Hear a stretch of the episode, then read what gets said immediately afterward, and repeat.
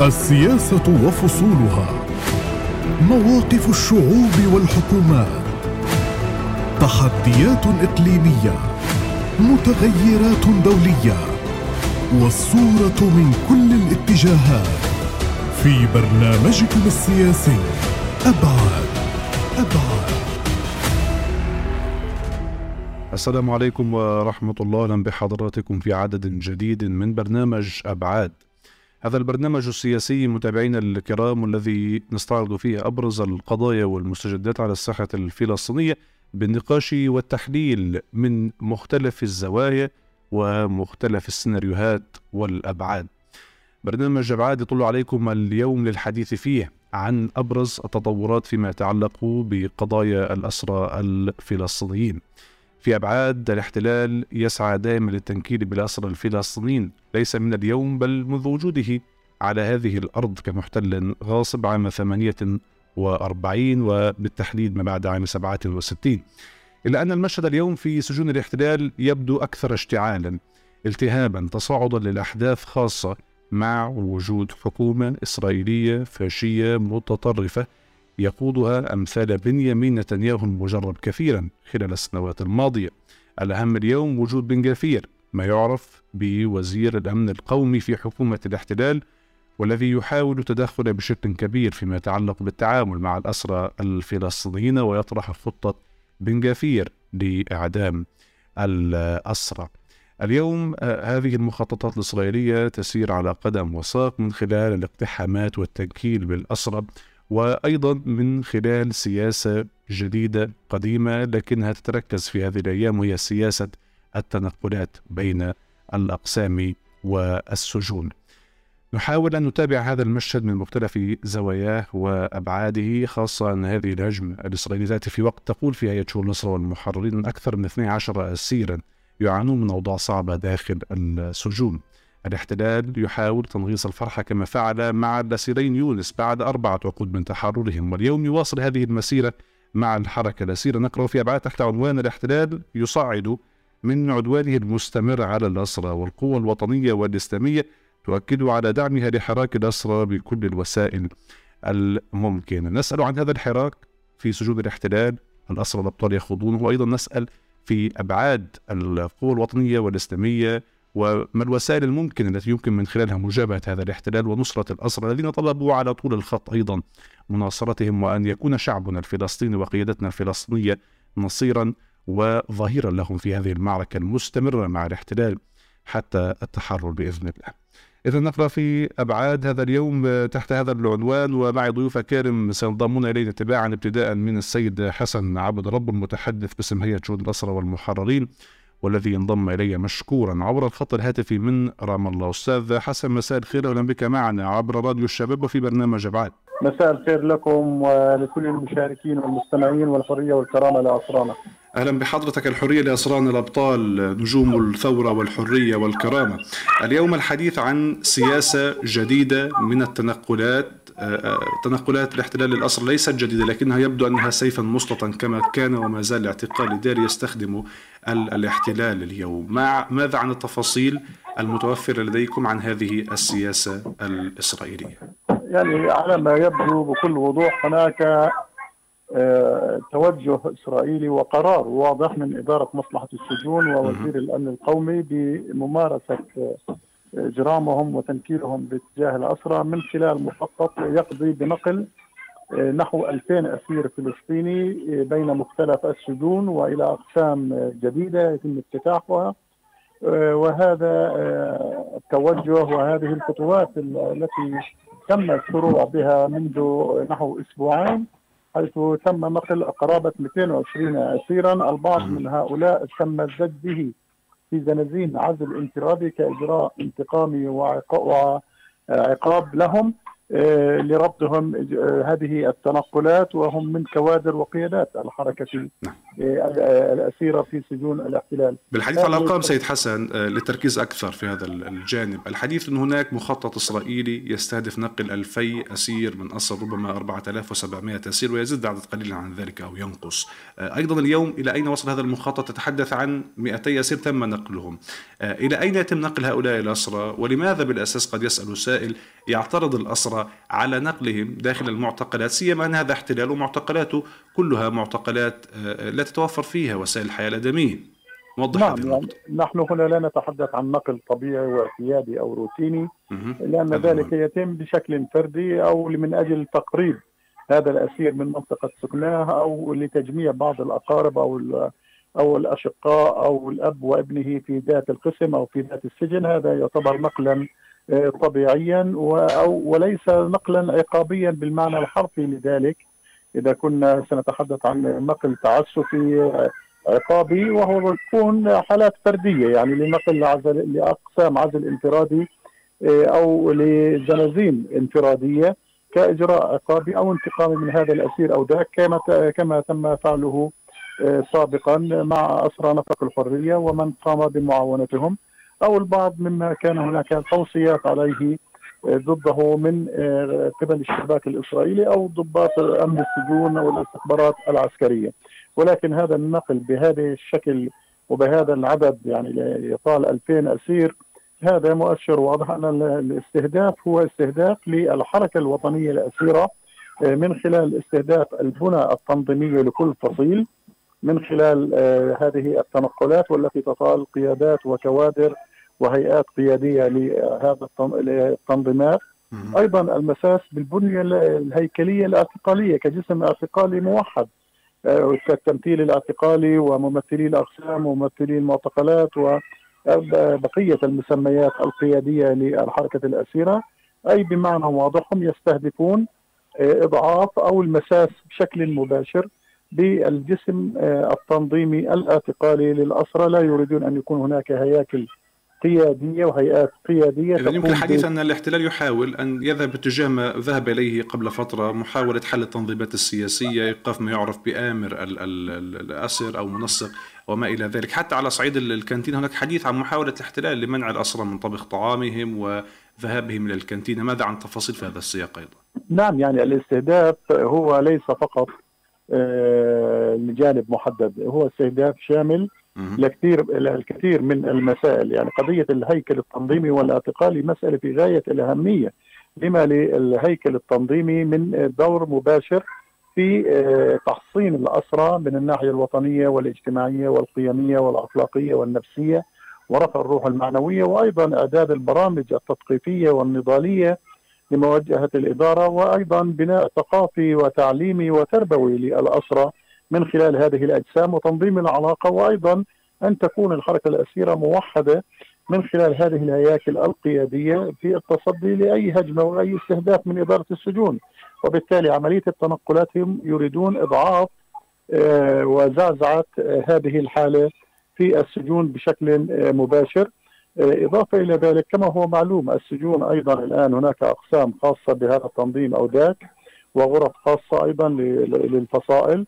هم يريدون خربشة آه، وإعادة خلط الأوراق آه، في هذا الموضوع بما يمثله ذلك أيضا من مساس للعلاقات الاجتماعية التي نعم. الشيء بالشيء يذكر ربما وكل الحديث حقيقة في الاونه الأخيرة إذا ما تحدثنا في الاستيطان نتحدث عن الحكومة الإسرائيلية الجديدة، إذا ما تحدثنا عن سيل الشهداء الذين يرون دماء فلسطين آه، أرض فلسطين بدمائهم الطاهرة نتحدث عن الحكومة الإسرائيلية الجديدة، فيما يتعلق بالاسرى الحديث يدفعنا باتجاه خطة بن جفير وهذا المتطرف الذي كان مستوطنا يقتحم الأقصى واليوم بات في سدة الحكم للسياسة الإسرائيلية ولهذه الدولة الاحتلالية الإجرامية.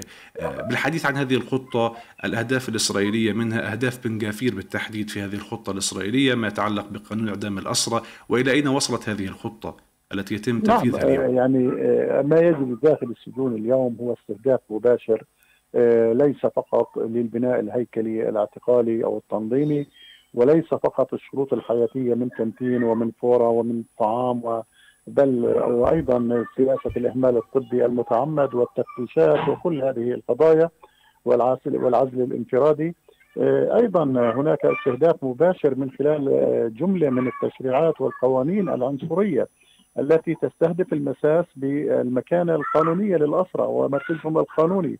الاحتلال يحاول أن يتعامل مع الأسرى كمجرمين وكإرهابيين وأن يسوق ويروج لهذه الأفكار ولهذه التهيؤات بالنسبة له وعدم التعامل معهم كمقاومين ومقاتلين من أجل الحرية والخلاص من الاحتلال. وهذه قضية يعني هي جوهر الصراع في قضية الأسرى لأن ذلك يعني المساس بهم وبهذا المكان هذه المكانة القانونية يعني المساس بحق شعبنا في النضال بحق والمساس المباشر بتاريخنا الوطني الفلسطيني. وهذا جوهر الصراع في موضوع الأسرى اليوم من خلال هذه التشريعات التي تهدف باتجاه ملاحقة الأسرى المحررين عبر سحب الإقامة والهويات والمواطنة وعبر سياسة الاعتقال الإداري أيضا التي تطال الكثير من غالبية المعتقلين إداريا هم أسرى محررين أيضا.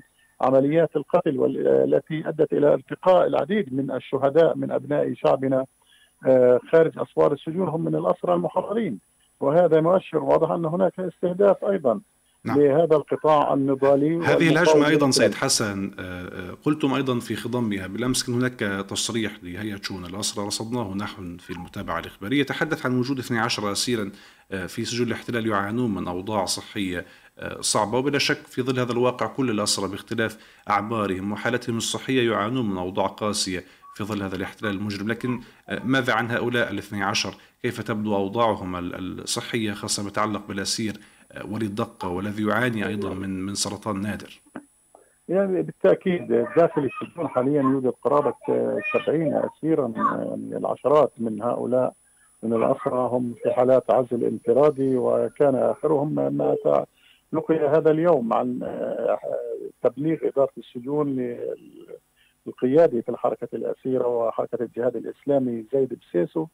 سيسي إلى نقله بقرار نقل له من ايشل إلى سجن آخر إلى جلبوع. وهذا مؤشر بانهم هم يعمدون بالتالي إلى ممارسة هذه السياسة. وقبلها كان نقل بعض الأسرى ممن رفضوا التنقلات من هدريم إلى عزل في في ريمون. وفي ومن مجده إلى جلبوع أيضا في زنازين العزل الانفرادي. هذه المعطيات من قضايا العزل هي دليل واضح أن اداره السجون هي تستهدف بشكل مباشر قيادات وكوادر الحركة الأسيرة فيما يتعلق يعني ب 12 اسيرا في عزل مجده هؤلاء جزء منهم ممن كانوا لهم علاقة بشكل أو بآخر في قضية نفق الحرية في جلبوع وبالتالي هي إجراءات عقابية وانتقامية تمارس بحقهم في ظل حرمانهم من أبسط حقوقهم اذا هي حرب مفتوحة كما يمكن توصيفها على الأسرى الفلسطينيين وعلى شعبنا الفلسطيني. كما أشار أيضا السيد حسن عبد ربه إلى نقل مسؤولية تنظيمات كما زياد بسيسي مسؤول حركة الجهاد الاسلامي في السجون من سجن إلى آخر. أيضا الحرب مستمرة على الأسرى المرضى وعلى كل جموع شعبنا في الخارج وعلى الأسرى بالداخل. أنا أشكر حضرتك جزيل الشكر السيد حسن عبد ربه الناطق الإعلامي المتحدث باسم هيئه شؤون الأسرى والمحررين. كنت معي مشكورا عبر الخط الهاتفي من رام الله. كمرحب على الخط الآخر به السيد أحمد المدلل القيادي بحركة الجهاد الإسلامي. عضو لجنة القوى الوطنية والإسلامية بغزة. أستاذ أحمد السلام عليكم. أهلا بك معنا في برنامج أبعاد عبر راديو الشباب. السلام ورحمة الله وبركاته. شكرا لانضمامك إلينا أستاذ أحمد. الحديث اليوم عن هذا الواقع للأسرى الأبطال وهذه الهجمة الشرسة التي تخوضها إدارة مصلحة السجون مدعومة بشكل رسمي من المستوى السياسي الرسمي وفي ظل وجود المتطرفين مثل بن غفير وسموترش في قيادة آه، هذه السدة السياسية الفاسدة في حكومة الاحتلال. هذا المشهد كيف تتابعونه أنتم في القوى الوطنية والإسلامية وفي حركة الجهاد الإسلامي أيضا؟ بسم الله الرحمن الرحيم. تحية لكم المستمعين الكرام. آه، منذ أن جاءت هذه الحكومة المتطرفة إلى سدة الحكم وهي قد وضعت على آه، أجندتها آه، موضوع ملاحقة الأسرى داخل السجون الصهيونية وإعادة توزيعهم في السجون وعمليات تنقل مستمرة وكأنهم يريدون أن يعيدوا السجون الصهيونية إلى العصور الوسطى هذا ما تحاول الحكومة الصهيونيه المتطرفة والفاشية أن ترتكبه من جرائم ضد الأسرى داخل السجون من خلال التنقلات من خلال إعادة آه، التحقيق مع كثير من الأسرى ومثل الإهمال الطبي وعدم اعطائهم حقوقهم الإنسانية الأدنى. لذا آه، لا يمكن لهذه الجرائم الصهيونيه ضد أسرانا داخل السجون ان تمر مرور الكرام، إذا كانوا هم يستفردون اليوم بقاده الجهاد الإسلامي داخل السجون الصهيونية بلا أدنى شك أن هذه الجرائم ستمتد إلى باقي الاسرى من كافة التنظيمات الفلسطينيه وهذا يجب أن يدفع باتجاه آه، وحدة آه، مواقف الحركة الأسيرة داخل الصهيونية. نعم. كما هي أيضا خارج السجون نقول بأن معركه الاسرى وفي هذا السياق أيضا آه، أستاذ أحمد الحديث عن آه، وحدة الحال داخل السجون ربما الاسرى سطروا آه، معادلات ثمينة وتقدر بالذهب فيما يتعلق بوحدة الحال في كل اضراب جماعي يخاض ضد إدارة سجون الاحتلال. لكن ودائما كانوا يطلبون من الخارج أن يكون ظهيرا لهم من المستوى الرسمي الفلسطيني ومن الفصائل الفلسطينية وسنأتي لهذا النقاش مع حضرتك. لكن أنتم في القوى الوطنية والإسلامية عقدتم بلمس اجتماعي لمتابعة التطورات في ملف الأسرة خرج بيان ختامي دعا الجماهير الفلسطينية للمشاركة بكل الفعاليات التي اتفقتم عليها نصرة للأسرى الأبطال. وكان هناك ما يتعلق بعنوان الحرية أو الشهادة وبركان الحرية والشهادة. ماذا عن تفاصيل ذلك أيضا؟ وما أبرز الفعاليات التي أقرت بالأمس من أجل مناصرة الأسرى في هذه المعركة؟ هو قد أحيل هذا البرنامج إلى لجنة الفعاليات من أجل أن تنظم فعاليات مستمرة ومتواصلة نصرة ودعما وإسنادا للأسرى تواصلا مع شعبنا الفلسطيني في الضفة الغربية وطلبنا بأن تكون هناك مشهودات جماهيرية في هذه الفعاليات التي سينضم إليها قيادات الشعب الفلسطيني كله تأكيدا على أن قضية الأسرى هي قضية الكل. الفلسطيني قضية الاسرى كانت بالفعل على رأس آه، الاجنده جدول اعمال لجنه المتابعه القوى الوطنية والإسلامية وتحدثنا عن الجرائم التي يرتكبها الاحتلال الصهيوني وكيفية مواجهة هذه الجرائم ضد اسرانا داخل السجون الصهيونية من خلال برنامج فعاليات متواصلة. ستبدأ آه، من غرس بعض الفصائل الفلسطينية ومن ثم تنطلق في كافه محافظات قطاع غزة باسم الأسرى وتتضمن اما مسيرات أو اعتصامات أو رسائل تقدم إلى المؤسسات الدولية أو خيم اعتصام وغيرها. لكن آه، هذه آه، الفعاليات ستكون مرتبطة مع فعاليات أخرى في كل أنحاء الوطن الفلسطيني هل هناك تنسيق سيد أحمد بين الضفة الفلسطينية وغزة في هذه الفعاليات؟ هل هناك عمل تشابكي آه، ملتحم ميدانيا هناك بالفعل خطوات واضحة منها مجرد دعوات؟ هو بالفعل يعني هناك تواصل ما بين الضفة وغزة في هذا الموضوع حتى ننظم هذه الفعاليات وحتى تأخذ صدى دولي وعالمي وإقليمي صدى كبير وتوصيل صوت الأسرى إلى العالم كله. نعم هناك تواصل في هذا الموضوع حول تنفيذ مثل هذه الفعالية. على ذكرنا للعالم آه، سيد أحمد اليوم الحديث عن واقع للأسرى واقع معقد للغاية وصعب جدا ومظلومية واضحة لا تحتاج لشخصين لأن يتناقشا فيها وأن يختلفا في الرأي. وهناك كثير من الأمثلة التي توضح ذلك. الأسير وليد دقة مريض بمرض سرطان نادر الاحتلال يهمل طبيا الشهيد آه، ناصر أبو حميد رحمه الله قبل آه، أشهر قليلة وأيام قليلة. استشهد نتيجة سياسة الإهمال الطبي. ومن قبله كثيرون بارود وغيرهم على مذبح الحرية. أمام هذا الواقع ما المطلوب من المستوى الرسمي الفلسطيني؟ لنقل هذه المظلومية الواضحة للعالم ليرى وجه الاحتلال الحقيقي خاصة مع وجود أمثال بن جافير الذي يخوض حربا معنونة واضحة المعالم على الأسرى وليس من تحت الطاولة بل على الملأ. وبالفعل هناك شعور بأن التحرك الدبلوماسي الرسمي الفلسطيني تحرك خجول ولا يرتقي إلى مستوى الجرائم التي يرتكبها. الصهيوني في التاسرانه داخل السجون. الصهيونية المطلوب من الموقف الرسمي الفلسطيني أن يكون أكثر جدية وأكثر دافعية باتجاه آه، أن يكون أن يكون ملف الاسرى على رأس أولويات السلطة الفلسطينية وتفعيل الدبلوماسية الفلسطينية إن كان في ارضيه الأمم المتحدة أو من خلال السفارات والقنصليات والجاليات الفلسطينية المنتشرة في كل أنحاء العالم بحيث يتم فضح جرائم الاحتلال الصهيوني ضد اطفال داخل السجون الصهيونيه خصوصا المرضى منهم، المرضى اليوم يموتون الموت البطيء. وهذا آه، موقف يجب أن لا آه، نقف أمامه صامتين بل بالعكس تماما آه، على العالم كله أن ينظر إلى هذه الجرائم وأن يسمع الناس بعد ذلك اسرانا داخل السجون الصهيونيه نحن لا نريد أن يكون هناك ناصر أبو حميد آخر لكن سنعمل وبكل ما أوتينا من أوراق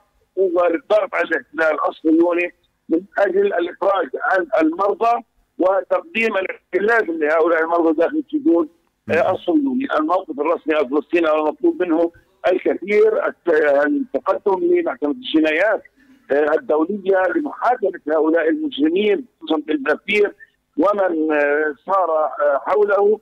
من أجل تقديم لمقصرة العدالة الدولية أمام هذه الجرائم التي ضربوا من خلالها كل اتفاقيات الاتفاقيات الدوليه واتفاقيات جنيف وغيرها من الاتفاقيات التي تحفظ حقوق الاسرى خصوصا الأطفال والمرضى والنساء. هؤلاء مجرمون ويجب أن يتم ملاحقتهم ملاحقتهم قضائيا إلى جانب دور الإعلام يجب أن يأخذ دوره إلى جانب الدور الدبلوماسي والقانوني وغيره من خاصة وأنه الأدوار التي يجب أن تتفاعل. خاصة وأن ال ال ال الانتهاكات واضحة والجرم واضح والمجرم حرا طليقا. هذا العالم لا يفهم لغة القوة. أخي لغة القوة. أخيرا أستاذ أحمد ما الرسالة للجماهير الفلسطينية في كل مكان اليوم؟ في الضفة في الداخل المحتل في غزة؟ خاصة وأنه الأسرى كما قلنا طلبوا النصرة في هذه المعركة من كل المستويات من مستوى رسمي تحدثنا عن وجود خلل ويجب معالجته نحو العالم من الفصائل الفلسطينية أيضا وأدوارها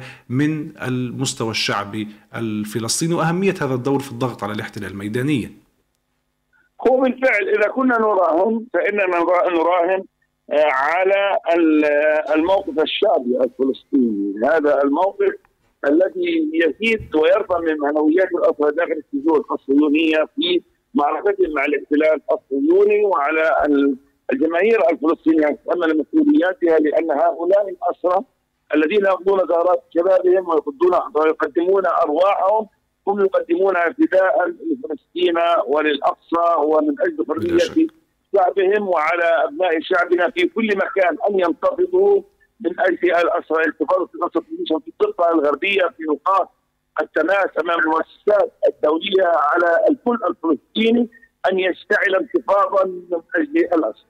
شكرا جزيلا لحضرتك لوجودك معنا. الأستاذ أحمد المدلل القيادي بحركة الجهاد الإسلامي وعضو لجنة القوى الوطنية والإسلامية بغزة.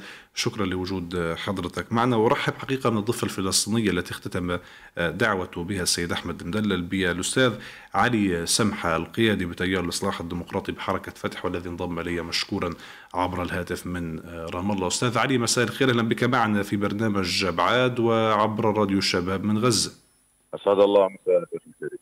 أهلا بك اليوم. حراك للأسرى الفلسطينيون في سجون الاحتلال وهذه الحلقة من أبعاد نناقش فيها تحت عنوان الاحتلال يصعد من عدوانه المستمر على الأسرى والقوى الوطنية والإسلامية تؤكد على دعمها لحراك الأسرى بكل الوسائل الممكنة. ابتداء هذا المشهد مشهد السجون الملتهبة في وجه الاحتلال ومشهد التنقلات. الحديث من السيد حسن عبد ربه كان عن ألفي أسير من المقرر نقلهم ومحاولة إفساد حياتهم داخل السجون والمعتقلات. 220 منهم تم نقلهم حتى هذه اللحظة والعدد مرشح ليصل إلى 2000 أسير. بمعنى نحو الأسرى هناك مخطط لنقلهم وتحدث عن آثار ذلك على حياتهم اليومية ومحاولة فك التنظيمات وحلها. كيف تتابعون كل هذا المشهد المترابط في سجون الاحتلال سيد علي؟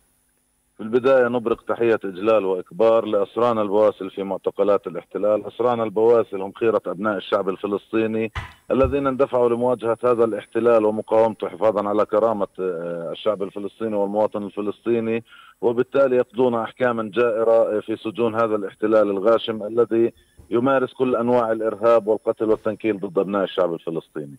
إنما نشهد من ارتفاع وتيرة الهجمات الإسرائيلية الصهيونية الممنهجة ضد أسرانا البواسل. ما هو إلا حلقة في مسلسل القمع المتواصل والمتزايد لكل آه، ساحات النضالية الفلسطينية وأهمها ساحة الاسرى، الحركة الأسيرة هي أحد أهم آه، عوامل وركائز النضال الفلسطيني، الحركة الأسيرة هي التي ترفض القضية الفلسطينية والعمل الوطني الفلسطيني بالركائز وبالطاقات البشرية الهائلة ويستمرون في المواجهة داخل سجون الاحتلال، وبالتالي هذا ما يؤرق الاحتلال، هذا ما يدفع الاحتلال للمزيد من العنجهية ضدهم والمزيد من الإجراءات التعسفية التي لا تتوقف من أجل آه، قمع الأسرى ومن أجل محاولة إخماد صوتهم ومن أجل آه، محاولة قطع هذه السلسلة اللامتناهية من المخزون البشري الثوري الفلسطيني. ولكن محاولات الاحتلال هذه لن تفلح أسران البواسل على قدر من المسؤولية.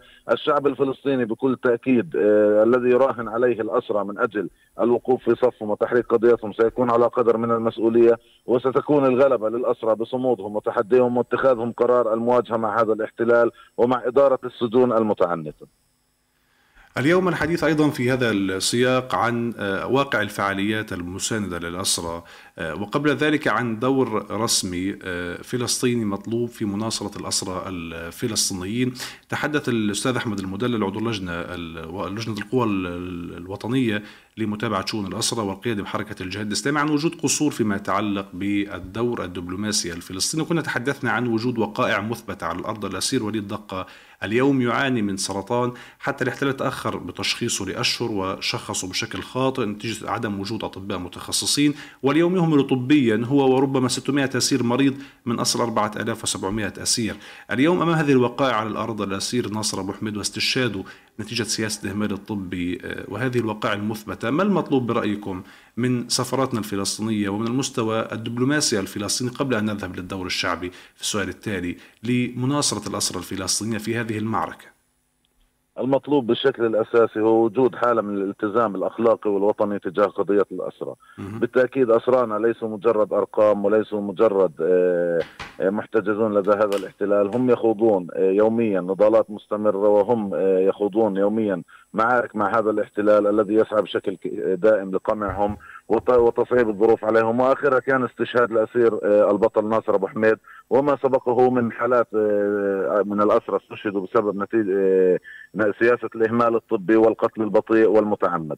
السلطة الفلسطينية وفصائل العمل الوطني كلها مطالبة بالالتزام الاخلاقي والوطني في قضيه الاسرى، يجب على السلطة وكل فصائل العمل الوطني أن تقوم بتحريك هذه القضية، هناك حالة ركود سياسي وشلل سياسي للأسف في كل فصائل العمل الوطني والسلطة الفلسطينية مما يعزز استفراد هذا الاحتلال بقضية الاسرى وبأسران البواسل، لا يجب أن تستمر الحالة بهذه الطريقة، السلطة الفلسطينية وفصائل العمل الوطني مطالبة بممارسة كل النشاطات الممكنة في سبيل رفع الظلم عن الاسرى، السفارات الفلسطينية عليها أن تتحدث للعالم عليها أن تخاطب العالم. إن عدنا بالوراء للقضية وبالأساس نجد أن وجود الأسرى في في في سجون الاحتلال هو أساسا غير شرعي، الشرائع والمعاهدات الدولية كلها كفلت للشعوب الخاضعة للاحتلال أن تقوم بالمقاومة بكافة الطرق وبالتالي أن يقوم الاحتلال بسجنهم وبأحكام طويلة. هو أصلا أمر غير قانوني وغير شرعي. علينا أن نخاطب المؤسسات الدولية والحقوقية بهذا الأساس. علينا أن نسلط الضوء على معاناة الأسرى الدائمة في سجون الاحتلال وما يعانونه من سياسات آه، قصرية من قبل هذا الاحتلال.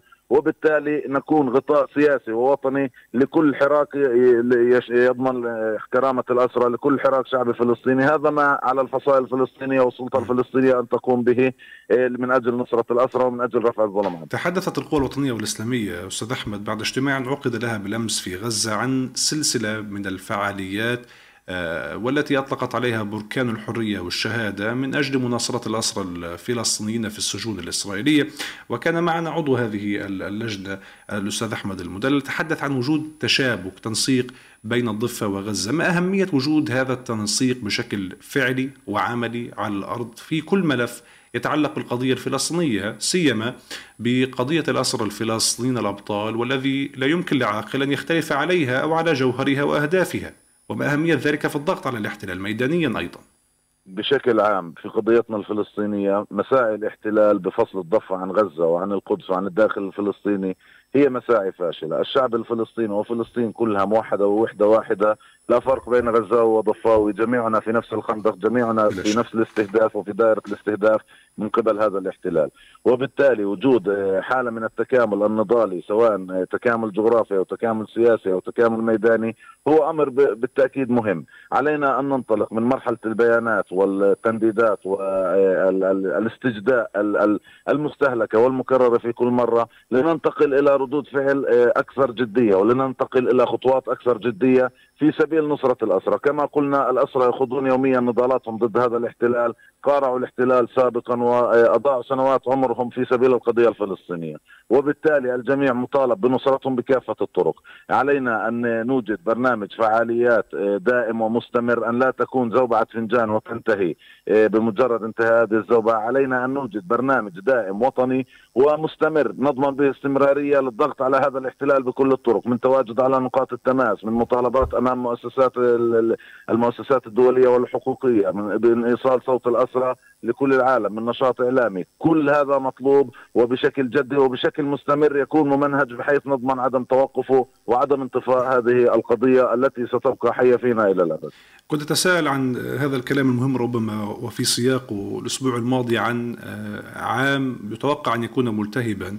في ظل هذه الحكومة الإسرائيلية الفاشية التي تقود المشهد وكان الحديث ربما عن 16 شهيدا فقط حينها في 17 يوم آه، وبالتالي هذا الرقم الكبير من الدم النازف الفلسطيني على هذه الأرض آه، الزكية. ما المتوقع برأيكم لهذا المشهد في ظل وجود حكومة نتنياهو في ظل وجود مظاهرات داخلية ضد هذه الحكومة وفي وجود دعم أيضا كبير للتحول نحو اليمين والفاشية الإسرائيلية، كيف يبدو شكل هذا هذا العام آه، برأيكم في ظل وجود أمثال بن جافير ونتنياهو وسموتريتش على القضية الفلسطينية وانعكاساته وأبعاده أيضا؟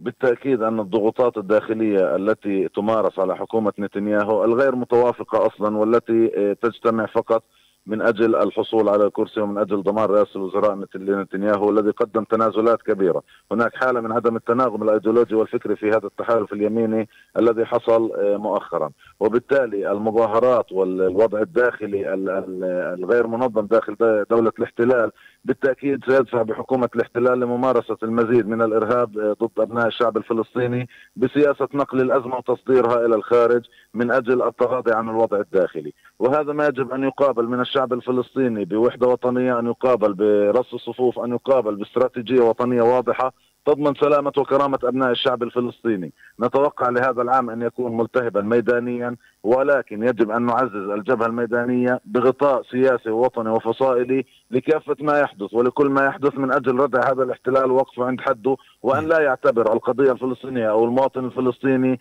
مجرد ورقة يستطيع من خلالها ترتيب أموره الداخلية ولو على حساب الدم الفلسطيني. هذا أمر مرفوض.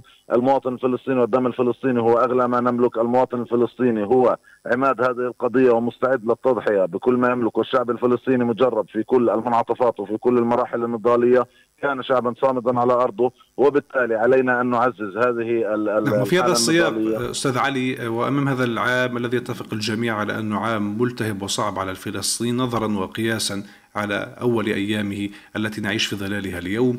وأمام مشهد إسرائيلي يحاول تصدير ازمته الداخلية إلى الخارج ورغم كل ذلك يتفق المحللون المختصون بالشأن الإسرائيلي أن الاحتلال يتفق في أزماته الخارجية ويبقى صفا واحدا بغض النظر عن الاختلافات الأيديولوجية والأزمات الداخلية. وحينما يتعلق الأمر بجبهة خارجية يكون هناك وحدة آه، إسرائيلية للأسف. اليوم أمام وحدتنا الفلسطينية وواقعنا الفلسطيني ما يجمعنا أكثر مما يفرقنا والقواسم المشتركة والعدو واحد والمصير واحد. رغم ذلك يستمر هذا الانقسام. واليوم أيضا نحن نعيش في ظلال مئة يوم على آه، توقيع اتفاق المصالحة الفلسطينية الفلسطينية وإعلان ما عرف اصطلاحا بإعلان الجزائر آه، الأخير خلال آه، الأشهر الماضية. برأيكم لماذا يتم التعطيل لهذه اللحظة ولا يوجد خطوات عملية على الأرض رغم اتفاق كل الفصائل على ذلك. وأنتم في تيار الإصلاح الديمقراطي آه، برأيكم كيف ترون المخرج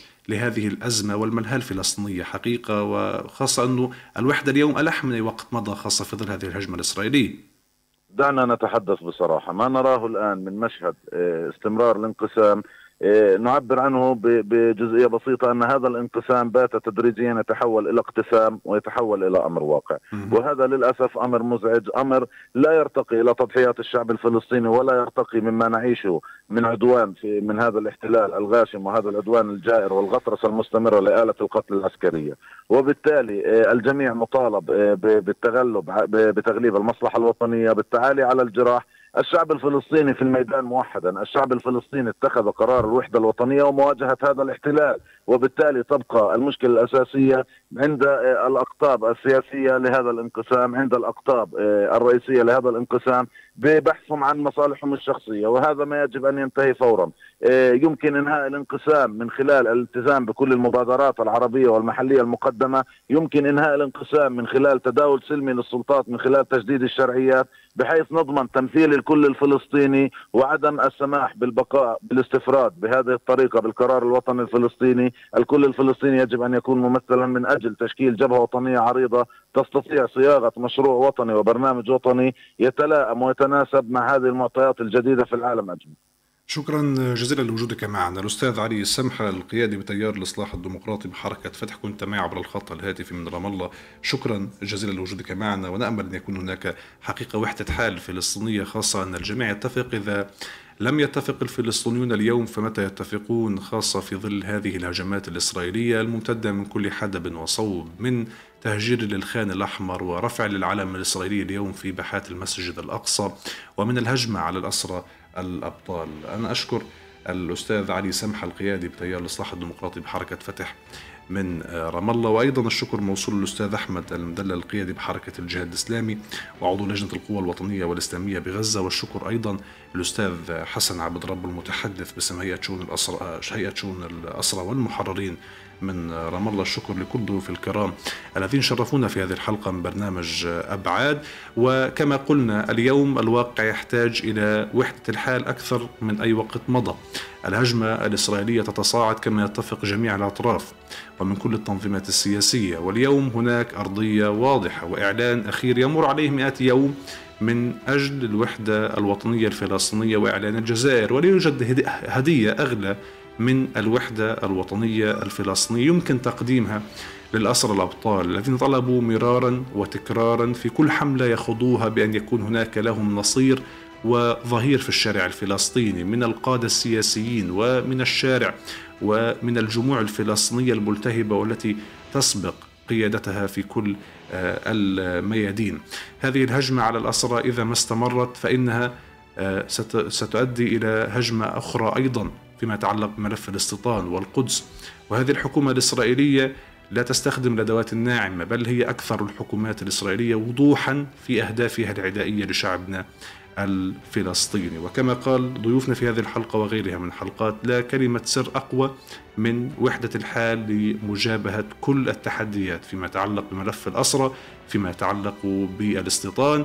وما يتعلق بتهويد القدس وهذه الحرب الشاملة على شعبنا الفلسطيني أينما كان وأينما تواجد. الشكر لكل ضيوفنا الكرام. آه هذه الحلقة من برنامج أبعاد انتهت والتي كانت بعنوان الاحتلال يصعد من عدوان المستمر على الأسرى والقوى الوطنية والإسلامية تؤكد على دعمها لحراك الأسرى بكل الوسائل الممكنة. الشكر الأكبر لكم دائما متابعينا الكرام على متابعتنا في أبعاد. آمل أن نكون قد قرأنا الخبر وأبعاده ومآلاته وسيناريوهاته المختلفة.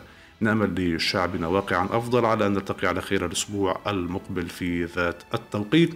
انتهى برنامج أبعاد. شكرا لكم وإلى اللقاء. السياسة وفصولها.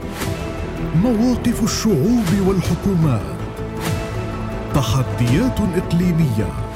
متغيرات دولية والصورة من كل الاتجاهات. في برنامجكم السياسي أبعاد أبعاد.